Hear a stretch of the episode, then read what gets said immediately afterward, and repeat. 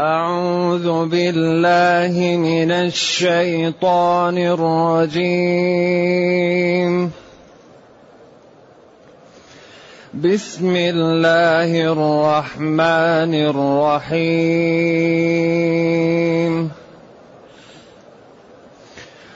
لقد كان لكم فيهم أسوة حسنة لمن كان يرجو الله واليوم الآخر. لمن كان يرجو الله واليوم الآخر ومن يتول فإن الله هو الغني الحميد. ومن يتول فإن الله هو الغني الحميد.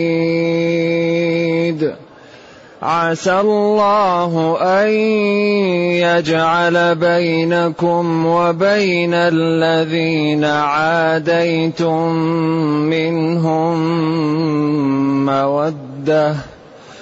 والله قدير. والله قدير.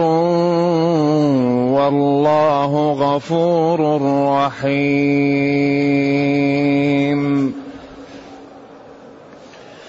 لا ينهاكم الله عن الذين لم يقاتلوكم في الدين ولم يخرجوكم ولم يخرجوكم من دياركم أن تبروهم أن تبروهم وتقسطوا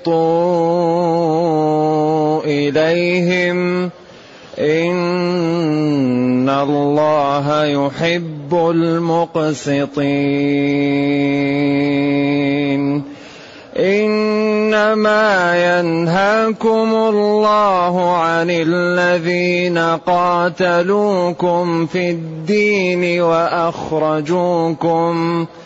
وأخرجوكم من دياركم وظاهروا على إخراجكم وظاهروا على إخراجكم أن تولوهم ومن يتولهم فأولئك هم الظالمون. يا أيها الذين آمنوا إذا جاءكم المؤمنات مهاجرات إذا جاءكم المؤمنات مهاجرات فامتحنوهن فامتحنوهن. الله أعلم بإيمانهن. فإن علمتموهن مؤمنات فلا ترجعوهن إلى الكفار فلا ترجعوهن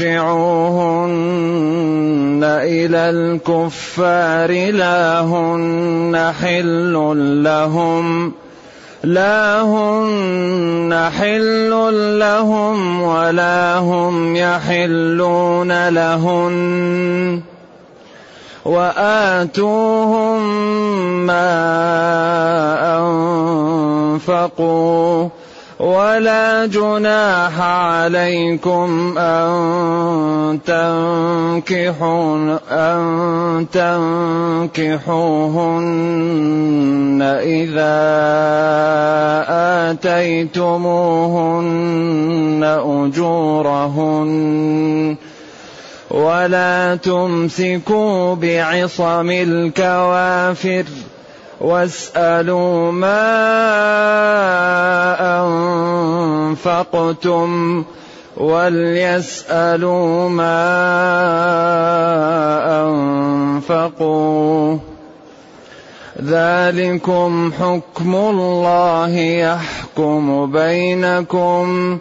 ذلكم حكم الله يحكم بينكم والله عليم حكيم.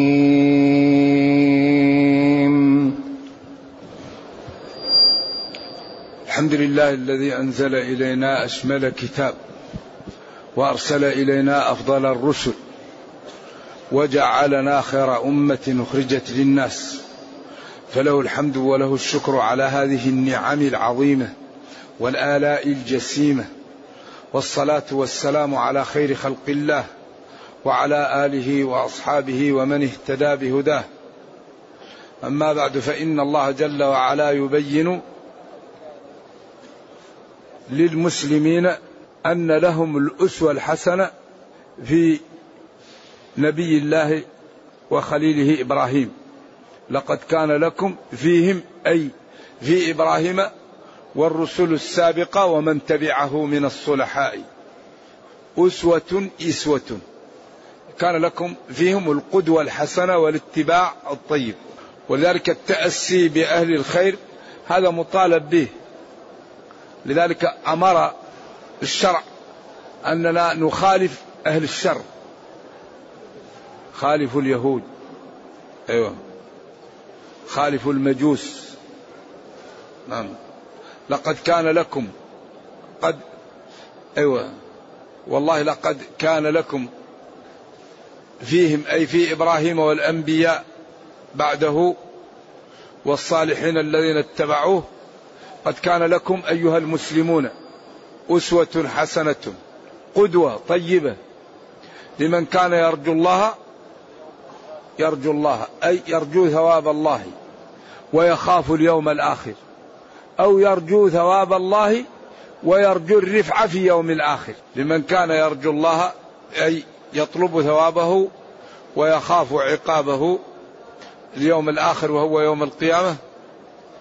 ومن يعرض عن شرع الله وعن اتباع رسله فإن الله المعبود بالحق هو لا غيره الغني عن خلقه المحمود بجميل أفعاله والشاكر لخلقه بعبادتهم له الحامد لهم بما يسدي لهم من الخيرات ويدفع عنهم من الشرور إذا أطاعوه واتبعوا شرعه.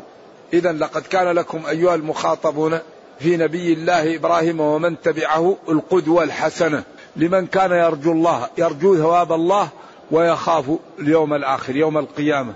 ومن يتولى ويعرض عن هذا التشريع وعن هذه الأوامر والنواهي فالله جل وعلا له الغنى المطلق لا يضر إلا نفسه ولا يوبق إلا هي لأن أهل الأرض لو كانوا على أتقى قلب رجل ما زاد ذلك في ملك الله ولو كانوا على أفجر قلب رجل ما نقص ذلك من ملكه.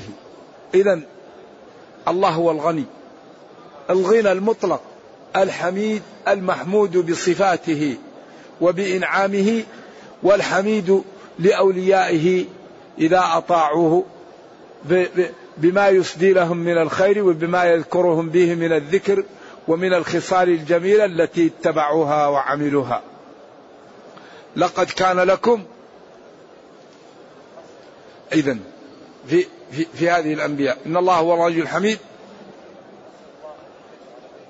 ثم عاد الكلام لما كان قبله من التبرؤ من الكفار ومن عدم موالاتهم عسى الله عسى من الله واجبة أن يجعل يصير ويهيئ بينكم أيها المسلمون وبين الذين عاديتم من أقربائكم في مكة لأجل الكفر وما حصل لكم من الألم بسبب تلك المعاداة التي فرضتها عليكم الشريعة.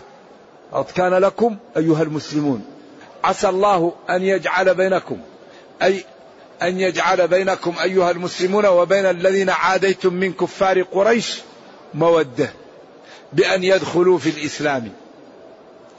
فجعل الله في قلوب أولئك الكفار الإيمان فلما آمنوا وقعت المصاهرات والمزاوجات وكانت هناك قرابات فجاءت المودة والألفة وزال كثير مما فرضه كفر هؤلاء.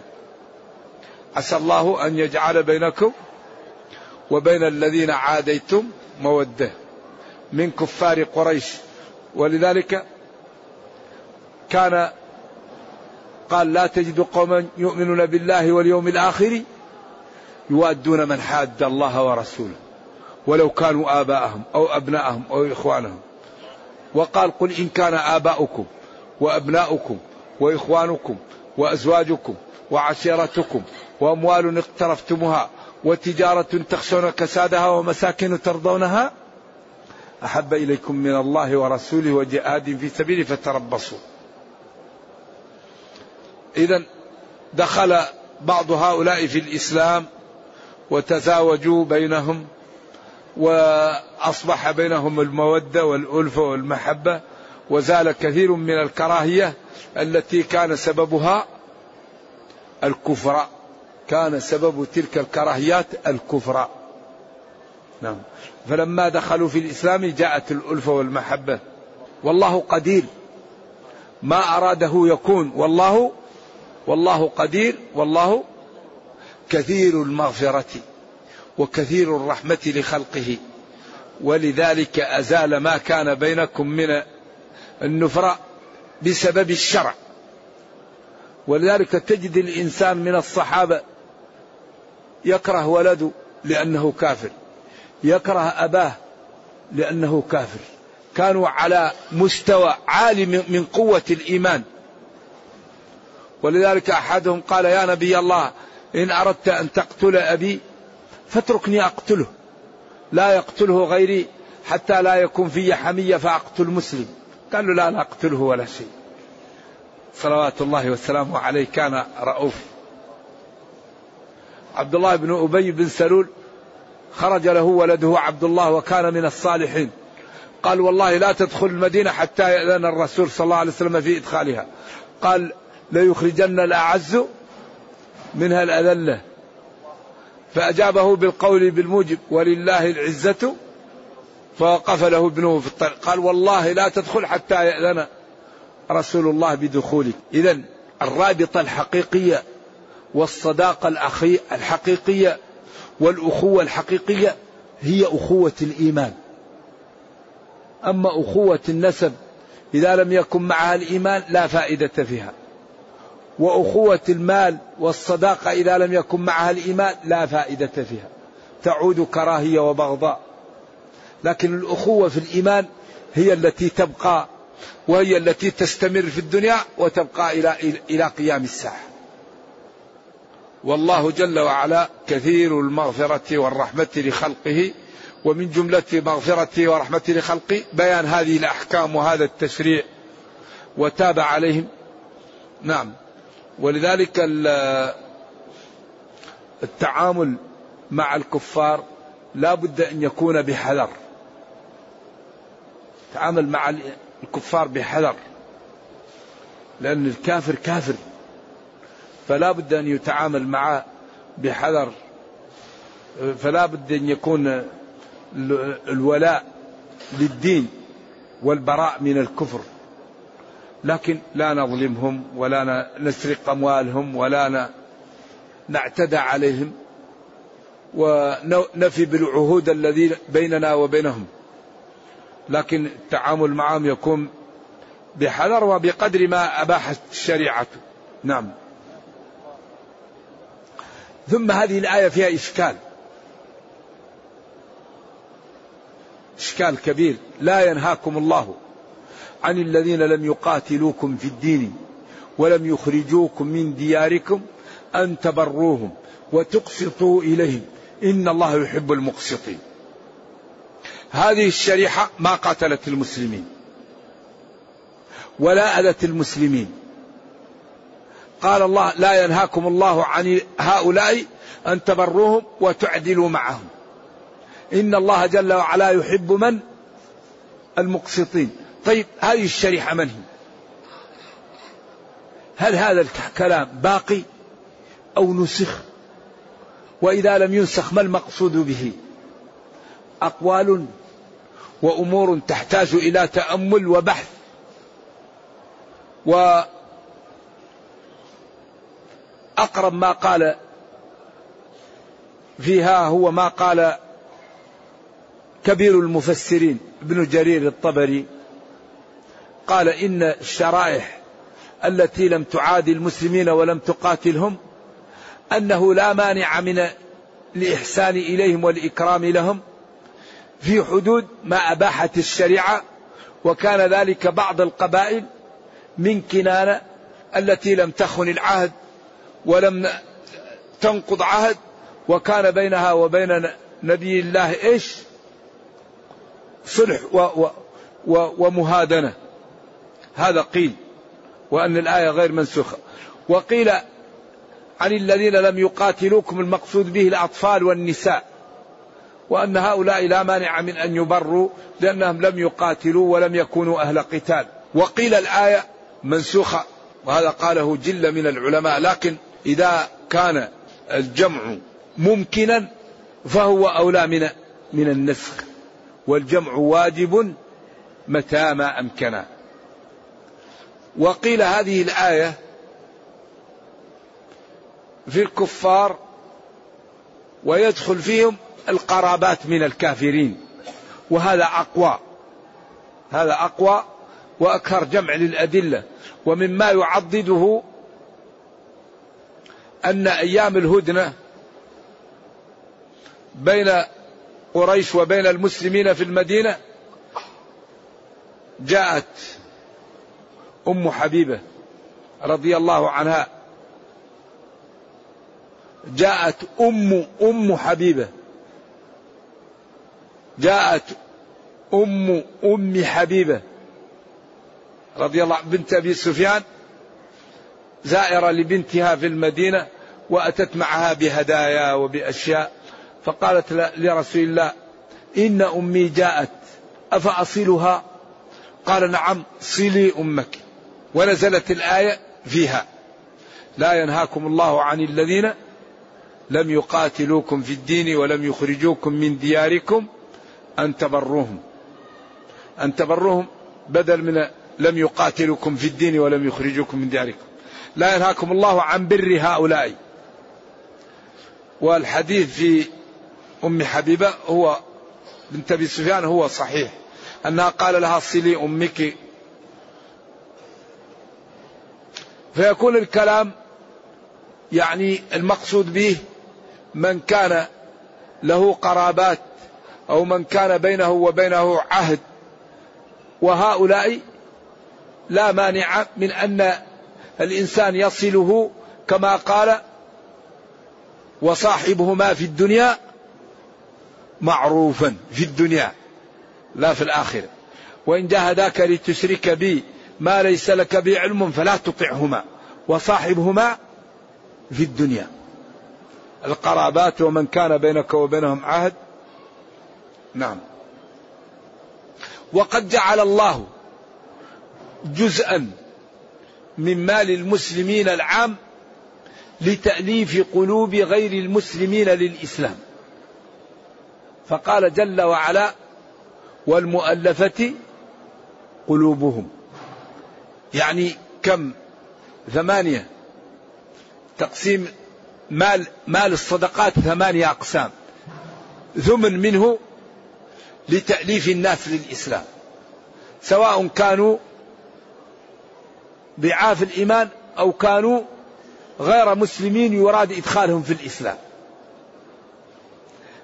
فجزء من مال المسلمين العام لتأليف الناس للإسلام وترغيبهم فيه. لذلك أمر جل وعلا أن الأمة يكون لها جزء من مالها للتأليف في الإسلام. ولذلك قال عمر هذا إذا كان المسلمون ضعاف. أما إذا كانوا أقوياء فهذا يسقط.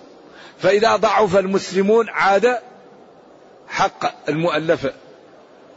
حسب قوة المسلمين. فإذا قوي المسلمون لا يعطى للمؤلفة وإذا ضعف المسلمون يعطى للمؤلفة حسب رأي الإمام والمسلمون ينظرون في ذلك. إذا وإن جاهداك هؤلاء لا ينهاكم الله عن الذين لم يقاتلوكم في الدين ولم يخرجوكم من دياركم أن تحسنوا إليهم وتعدلوا معهم. هذه الشريحة لا ينهاكم الله عن الإحسان إليها.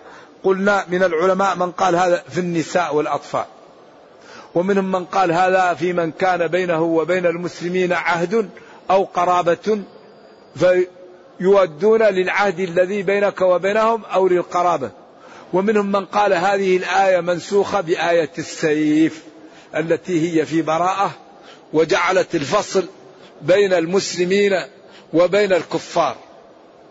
ولذلك قال لهم فسيحوا في الأرض أربعة أشهر واعلموا أنكم غير معجز الله وأن الله مخزي الكافرين.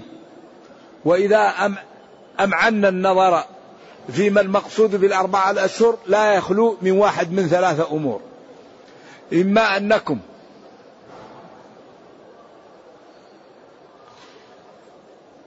تفكرون وتتأملون فتعلمون أن الدين الإسلامي صحيح وتدخلوا فيه. وإما أنكم تأخذوا أموالكم وذراريكم وتخرجوا من مكة. وإما أنكم تجمعوا العتاد والقوة والميدان ولا رابع لها. فسيحوا في الأرض أربعة أشهر والخيارات أمامكم ثلاثة. واعلموا أنكم غير معجز الله وأن الله مخزي الكافرين. ذلك هذا الدين عنده قوة في السياسة والطرح والإنصاف والعدل لا مثيل لها. قال لهم لكم أربعة أشهر أعملوا ما شئتم واعلموا أنكم غير معجز الله وأن الله مخزي الكافرين. أعملوا ما تشاءون لكم أربعة أشهر سيحوا اذهبوا ادبروا وبعدها إن أردتم الدخول في الإسلام وإن أردتم تخرجوا من مكة وإن أمرتم القتال ولكم في ذلك ما شئتم. دين لا لا يخادع لا يغش لا يكذب. ولذلك قال وإما تخافن من قوم خيانة فانبذ إليهم على سواء. إن الله لا يحب الخائنين. كلام غاية في الجودة والحسن. الإسلام لا يقبل الغش. الإسلام لا يقبل الظلم. الإسلام لا يقبل يعني ذا الوجهين. لا ما يقبل. الإسلام يقبل الصدق. يقبل يعني الصراحة. يقبل الإيثار. أما ذا الوجهين لا. يقبل أن أن أنك تخدع عدوك. لأن الحرب خدعة أو خدعة. ولذلك لما قرب النبي صلى الله عليه وسلم من مكة كان الجيش كم؟ عشر ألاف. فقال كل رجل يوقد نار. كل رجل يوقد نار. طيب هما عشر ألاف أوقدوا عشر ألاف نار. كيف يكون هذا؟ قالوا هذا يمكن مليون هذا مئات الآلاف. ولما جاءوا في طواف القدوم شرع فيه الإطباع والرمل حتى يظهر المسلمون أقوياء قالوا هذا أوهم أوهتهم. حمى يثرب. قال لا وأصبح هذا الشرع.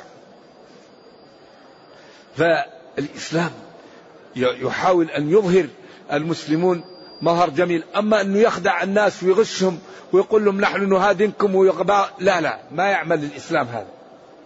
ذلك قال له أما شرت إليه؟ قال ما كان لنبي أن تكون له خائنة الأعين. أنه بطاع عن واحد كان ما ما ما, ما بايعه ليقتله أحد فلما لم يأتي أحد بايعه قال قال لما لم تسر لنا؟ قال ما كان لنبي أن يكون له خائنة الأحيان صلوات الله وسلامه عليه. ذلك هذا الدين قائم على الصدق على النزاهة على العدل على تحريم الظلم حتى مع الكفار. لا يجوز أن نظلم الكفار ولا أن نظلم أبناءنا ولا أن نظلم خدمنا ولا أزواجنا ولا جيراننا. الظلم ظلمات. كل إنسان في عافية ما لم يظلم. فإذا ظلم كأنه وضع في في في في, في عنقه ربقة. يمكن المظلوم يدعو عليه يدمره. فلذلك ابتعدوا عن الظلم. إنما ينهاكم الله عن الذين قاتلوكم في الدين. قاتلوكم لأجل دينكم في الدين. هذا القتال سببه أنكم دخلتم في الإسلام وتركتم الكفر. وأخرجوكم من دياركم بالمضايقة وبالتهديد وبالضرب. وظاهروا على إخراجكم. ظاهروا تعاونوا وتعاضدوا على إخراجكم من بيوتكم من مكة. والإخراج من البيوت هذا صعب. لذلك من, من, من أصعب شيء إنسان يخرج من بلده. ولكن الله بين أن الأرض واسعة وأن المسلم يسكن في المحل الذي يستطيع أن يعبد ربه فيه. قل يا عبادي الذين آمنوا إن أرضي واسعة. إيش؟ فإياي فاعبدون. ومن يهاجر في سبيل الله يجد في الأرض مراغما كثيرا. وسع يجد في الأرض متحولا. ويجد في الأرض مخرجا. وسعة. وظهروا تعاونوا هؤلاء وتعاضدوا على إخراجكم من مكة ومن يتولهم منكم.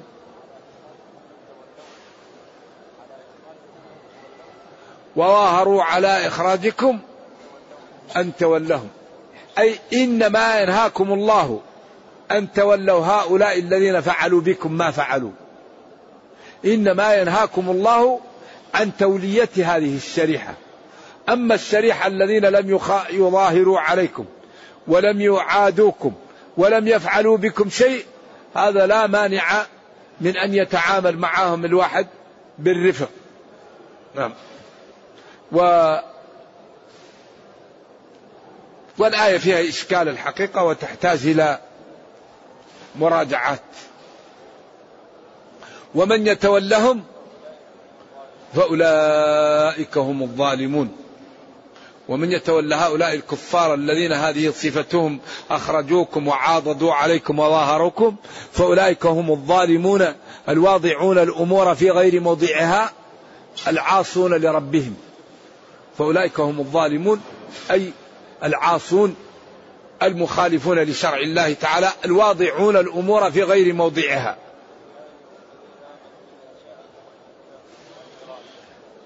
ثم بين قضية استثنيت من صلح الحديبية سواء كانت القضايا عموم ودخلت النساء فأخرجت أو سواء كانت لم ينص عليها. خلاف. قيل إن لما عمل سهيل مع النبي صلى الله عليه وسلم الصلح يوم الحديبية وقالوا من جاء من المسلمين للكفار لا يردوه ومن جاء من الكفار للمسلمين يردوه. وتزلزل المسلمون من هذا وانزعجوا انزعاجا لا يعلمه إلا الله.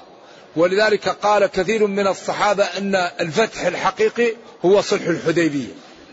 لما فتح الله به على المسلمين فأصبح من جاء من المسلمين للنبي يرده وأصبحوا يجلسون لقريش في الطرق ويقتلونهم ويأخذون أموالهم فأصبحوا يقولون للنبي صلى الله عليه وسلم نطلب منك أن من جاءك منا تقبله ولا ترده لنا.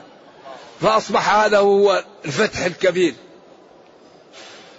فجاءت بعض النساء مسلمات للنبي صلى الله عليه وسلم فنزلت الآية يا أيها الذين آمنوا إذا جاءكم المؤمنات مهاجرات في حال كونهن مهاجرات عن الكفار فامتحنوهن. فاختبروهن. واختلفوا. قيل اختبارها ما ذكر الله بعد هذا.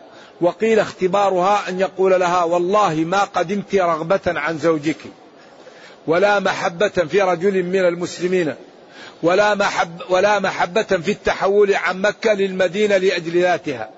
وإنما رغبت في دين الله وفي شرع الله وفي طاعة الله. فإذا أقسمت بذلك وامتحنها قبلت وقيل يسألها عن الدين وقيل يسألها أنهم لا يزنين ولا يقتلن أولادهن ولا يأتين ببهتان يفترينه بين أيديهن وأرجلهن ولا يعصينك في معروف. قيل هذا الاختبار على الخلاف الواقع في قوله فامتحنوهن. بعدين بين للمسلمين أن لهم الظاهر وأن الباطن لله.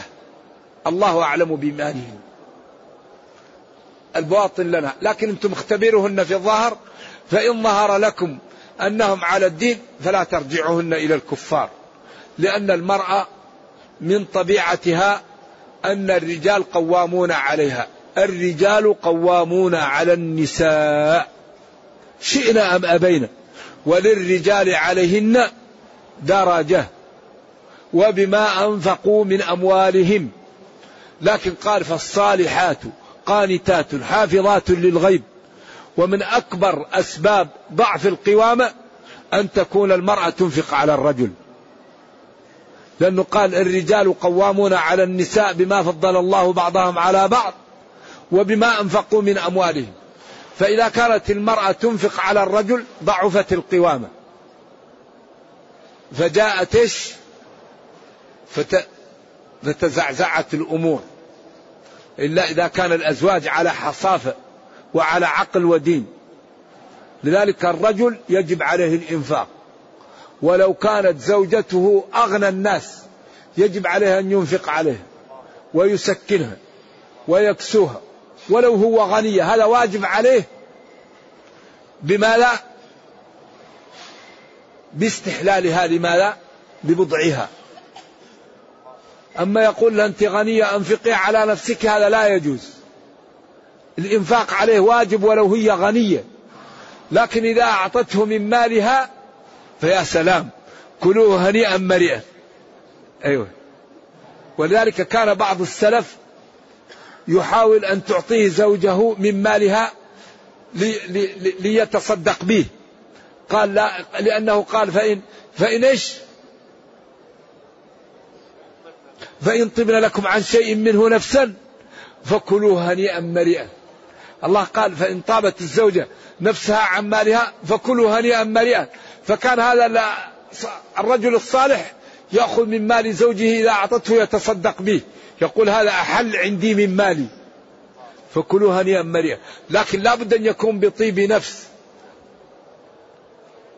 لذلك يقول تعالى فامتحنوهن. اختبروهن. فإن ظهر الدين لها فالله أعلم إيش؟ الله أعلم بإيمانهن. أنتم لكم الظاهر لكن ما في القلوب والحقائق لستم مسؤولين عنها. وإنما الله هو اللي يتولى ذلك. لذلك إذا ظهر لنا شخص الإسلام لا نقول له أنت غير مسلم. وإذا ظهر واحد الكفر لا نقول له أنت غير كافر. نأخذ الناس بما يظهر منهم. لذلك الشريعة والحياة لا تنضبط إلا بالظاهر. وإذا أردنا أن ننقب عن, عن, عن خفايا الناس. فتناهم وسببنا لهم النفاق. نأخذ الناس بما يظهر منهم ونكل سرائرهم إلى الله. الله أعلم بإيمانهن. فإن علمتموهن بعد الاختبار مؤمنات فلا ترجعوهن إلى الكفار. لا ترجعوهن. أي أيها المسلمون لا تردون المسلمات إلى الكفار. لما لا؟ لا هن حل لهم.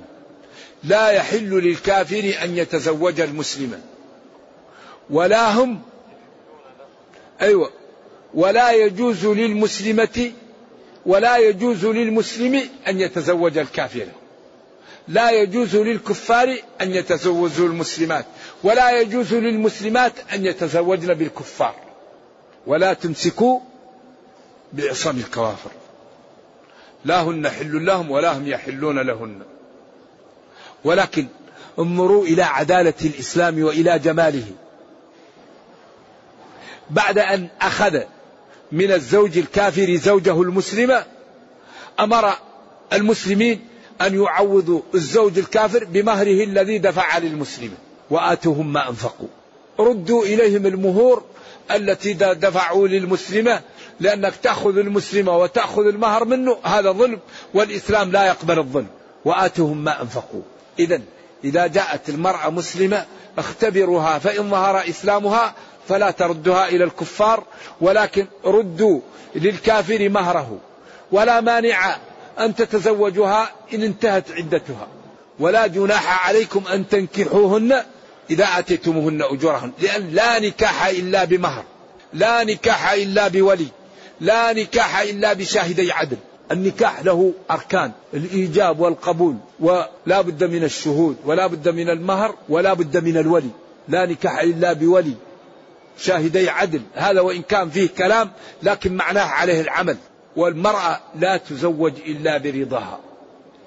إلا إذا كانت صغيرة بكرا. فيجوز للأب خصوصا أن يزوجها والأولى أن يستأمرها. لكن عند الفقهاء إذا كان الولي أبا وكانت البنت صغيرة يجوز لأبيها أن يزوجها لأنها لا تعقل ما لا الزواج ولا تعقل والمرأة إذا لم تتزوج تضيع. فإذا جاء من يرضى دينه وأمانته فالأب له أن أما غير الأب لا يزوج إلا برضا البنت. فإذا كانت بكر صماتها يكفي. وإذا كانت ثيبة لا يقبل منها الصمات تقول رضيت رضيت. ولذلك المرأة التي جاءت للنبي صلى الله عليه وسلم وقالت إن أبي يريد أن يزوجني لابن عمه ليرفع خسيسته. أنا لا أريده. قال لا ما دمت لا تريد لا يزوجك. قالت الآن رضيت أردت أن نعلم ما للنساء أردت أن نعلم حق النساء. إذا المرأة لا ترغم على الزواج أبدا إذا كانت لا تريد. كما أن الرجل لا يرغم على الزواج إذا كان لا يريد. ما نرغم الرجل على أن يتزوج المرأة وهو لا يريدها ولا نرغم المرأة أن تتزوج الرجل وهي لا تريده والصحابية لما قالت إني لا أنقم على فلان من خلق ولا دين ولكني أكره الكفر في الإسلام. ما أطيقه لا أحبه. قال أتردين عليه حديقته؟ قالت نعم. فقال له خذ الحديقة وطلقها تطليقا. خذ الحديقة وطلقها تطليقا. فلذلك الإسلام إذا كانت المرأة غير مخببة وعدلة يعني وتقية ولا تريد زوجها تذهب للقاضي أكبر ما يفعل يأخذ منها زوجها ما لا المهر. أما إذا كانت مخببة لا فتعلق لأن النساء ضعيفات. وإذا كانت كل امرأة تريد أن تطلق زوجها تطلقه يعني تخرب البيوت لأن أي امرأة غضبت تقول لزوجها فارقتك. ولذلك لم يجعل الله العصمة في يد المرأة لأنها عاطفية. أما الرجل هو الذي جعل الله في يده العصمة ولذلك من في يده العصمة؟ ينبغي أن يحفظها. لا يجعل بالطلاق تأتي بالطلاق تخرج هذا لا ينبغي. لا تتكلم بالطلاق. إلا إذا أردت الطلاق لأن جده جد وهزله جد. وهو مرتان. الطلاق الذي تملك بعده الرجعة مرتان. بعدين إمساك بمعروف أو تسريح بإحسان ولا تحل لك حتى تنكح زوجا غيرك ويدخل بها ويطلقها وتعتد. فينبغي لنا أن لا نتكلم في الطلاق ولا إلا إذا كنا جادين. ولا نحلف بالطلاق ولا نقسم بالطلاق ولا نقول والإنسان يحفظ عليه زوجه ويجعل فراشه طاهر. لأن الكلام في الطلاق يسبب للإنسان وساخة الأولاد ووساخة الزوجة والحرام. يبتعد كل مسلم عن الطلاق إلا إذا كان إيش؟ جادا. أباح الله الطلاق. لكن لا يعمل إلا للضرورة. فلا تتكلم بالطلاق إلا إذا كنت جادا. ولا جناح عليكم. يعني لا حرج عليكم ولا إثم في نكاح المسلمات اللاتي جئن وكان أزواجهن كفار. بعد طبعا استبرائهن وخروجهن من العدة وبعد دفع المهور والقيام بالزواج بأن تنكحوهن إذا أتيتموهن أجور مهورهن. ولا تمسكوا بعصام الكوافر. خلاص. إذا كفرت المرأة عياذا بالله أو كفر الرجل هي وزوجها انفصلا عند بعض العلماء طلاق باين. الكفر لا بد أن تعقد بعده عند المالكية. وإن راجع الإسلام قبل أن تخرج من العدة فعند بعض العلماء تكون زوجه. على خلاف في ذلك. واسألوا ما أنفقتم أنتم إذا ذهب شيء من المسلمات إلى الكفار وكفر فلم يبقى أزواجكم وطالبوا الكفار أن يعطوكم المهور التي دفعتم لهن. واسألوا ما أنفقتم وليسألوا ما أنفقوا. ذلكم التشريع الذي ذكرت لكم هو حكم الله. يحكم بينكم فيه فامتثلوه فإن فيه السعادة في الدنيا والأخرى. والله عليم بنياتكم حكيم في تشريعاته فهنيئا لمن أطاعه ويا ويل من عصاه. نرجو الله جل وعلا أن يرينا الحق حقا ويرزقنا اتباعه وأن يرينا الباطل باطلا ويرزقنا اجتنابه وأن لا يجعل الأمر ملتبسا علينا فنضل. اللهم ربنا آتنا في الدنيا حسنة وفي الآخرة حسنة وقنا عذاب النار. اللهم اختم بالسعادة آجالنا واقرم بالعافية غدونا وآصالنا. واجعل إلى جنتك مصيرنا ومآلنا سبحان ربك رب العزة عما يصفون. سلام على المرسلين والحمد لله رب العالمين. وصلى الله وسلم وبارك على نبينا محمد وعلى آله وصحبه. والسلام عليكم ورحمة الله تعالى وبركاته. هذا سائل يسأل عن قوله تعالى في المنافقين وإذا قيل لهم لا تفسدوا في الأرض الآية. قال السؤال ما الفرق بين العبارتين؟ لا يشعرون لا يعلمون. هذا من إعجاز القرآن وبلاغته وتلون أسلوبه حتى إذا سمعه الإنسان دائما يكون مشدودا للقرآن. لا يشعرون أي لا يدرون ولا يعلمون لا لا لا لا لا, لا يدرون أيضا. لكن الشعور في اللفظ يختلف عن العلم والشعور قد يكون أقوى من العلم فهو في تلوين في العبارة وفي تدرج في الكلام. نعم. البيع بالأقساط يجوز. نعم. لأنه يمكن الإنسان يشتري شيء نجوما. ولذلك ومن الأقساط يعني المكاتب يدفع نجوم.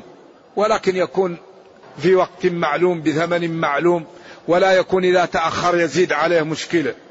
كثير من الناس يعمل بنيان وبعدين يقول للعامل إذا تأخرت تزيد عليك. هذا هذا مشكل هذا لا يجوز. إذا إذا زاد ينقص عليه هذا مشكلة هذا. لا ما ينبغي. ينبغي اتفقوا كل واحد يقوم بما عنده. أحل الله البيع وحرم الربا. هل حديث من قرأ سورة الإخلاص عشر مرات كل يوم بنى الله له بيتا في الجنة. لا أعرف الحديث. لا أعرف أن سورة الإخلاص تعدل ثلث القرآن. أيوة. لأن فيها التوحيد. والقرآن توحيد وقصص وأحكام. نعم. وأخبار. هذا يقول في سورة الصف احشروا الذين ظلموا وأزواجهم وما كانوا يعبدون من دون الله. آه، سورة الصافات وما كانوا يعبدون من دون الله. فهدوهم الآيات. السؤال لماذا ما وصل جملة من دون الله مع آية؟ الله أعلم. عزير الذي يظهر أنه رجل صالح مر بقرية فقال كيف يحيي الله هذه بعد موتها؟ فالله أراد أن يبين فأماته مئة عام ثم بعثه. بعدين وجد حمار هذا قال له للحمار بعد أن كان عظام أتي. كما قال تعالى أو كالذي مر على قرية وهي خاوية على عروشها. قال أن يحيي هذه الله بعد موتها فأماته الله مئة عام ثم بعثه. قال كم لبثت؟ قال لبثت يوما أو بعض يوم. قال بل لبثت مئة عام. فانظر إلى طعامك وشرابك لم يتسنه لم يتغير. وانظر إلى حمارك ولنجعله آية للناس. وانظر إلى العظام كيف ننشزها. وفي قراءة ننشرها ثم نكسوها لحما فلما تبين له قال أعلم أن الله على كل شيء قدير. أراد الله أن يبين لهذا الرجل الصالح أو لهذا النبي أن الله تعالى قادر. فماته مئة عام وحماره كان يعني رميم والشراب و و و والطعام لم يتغير. مئة سنة. ذلك أمر الله إذا أراد شيئا أن يقول له كن فيكون ولذلك من الجنون عدم طاعة الله. من الجنون الحقيقة عدم الخوف من الله وعدم الاستقامة. تارك الصلاة هذا التزويج خطر. هل يجوز تزويج تارك الصلاة؟ لا ينبغي لمسلم أن يعطي وليته لتارك الصلاة. لا ينبغي. الله هو الرزاق هو الغني. تريد غنى؟ ما لا تريد. تارك الصلاة التعامل معه بحذر. يعامل بطريق لا يجفل من الإسلام. تعامله بطريقة تحبب إليه الإسلام. أما إذا كنت لا تعامله بطريقة تحبب إليه الإسلام تجنبه. العهد الذي بيننا وبينهم الصلاة فمن تركها فقد كفر. ليس بين العبد أو الشرك إلا ترك الصلاة. فمن تركها فهو مع فرعون وهامان وقارون وأبي بن خلف. لقد رأيتنا وما يتخلف عن الصلاة إلا منافق معلوم النفاق. الصلاة يعني مشكل فالذي يترك الصلاة لا ينبغي أن يزوج. إلا إذا كانت موليته يخاف عليها من الفاحشة. إذا لم يزوجها تقع في الفاحشة أو تموت من الجوع. فيكون هذا هناك تتزاحم المفاسد. لا يزوج تارك الصلاة. نعم. إلا إذا كانت هناك ضرورة أقوى من هذا والأمور تقدر بقدرها. هل الزواج يعيق طلب العلم؟ لا الزواج يعين على طلب العلم. وأكبر ما يعيق طلاب العلم في هذا الزمن العزو... العزوبة. مسكين مسكين رجل لا زوج له. مسكينة مسكينة امرأة لا زوج لها. الشاب إذا كان عنده زوجة يذاكر ويراجع عنده من يغسل له ثيابه من يطهي له طعامه من يهيئ له محل نومه من ينظم له وقته. الشاب إذا لم يتزوج ولذلك الذي يرى أن يعني الزواج يشغل لا الزواج يهيئك لأن تكون منتجا. وبعدين يحميك من المعاصي ومن الذنوب. أيوة فلا يوجد في الزواج إلا خير. ولذلك ضمن لنا إن يكونوا فقراء يغنيهم الله من فضله. إلا إذا كان الشاب عشق العلم وأحبه كالنووي وشيخ الإسلام بن تيمية هذا قد لا يتزوج. إذا كان محبته للعلم واستغنى عن الزواج ولا يريده هذا أمر آخر. فلا نقول له يتزوج حتى لا يضر بالمسلمة لأنه يحب العلم ولا يحب الزواج. فالزواج ليس بواجب لمن لا يحبه هو مباح.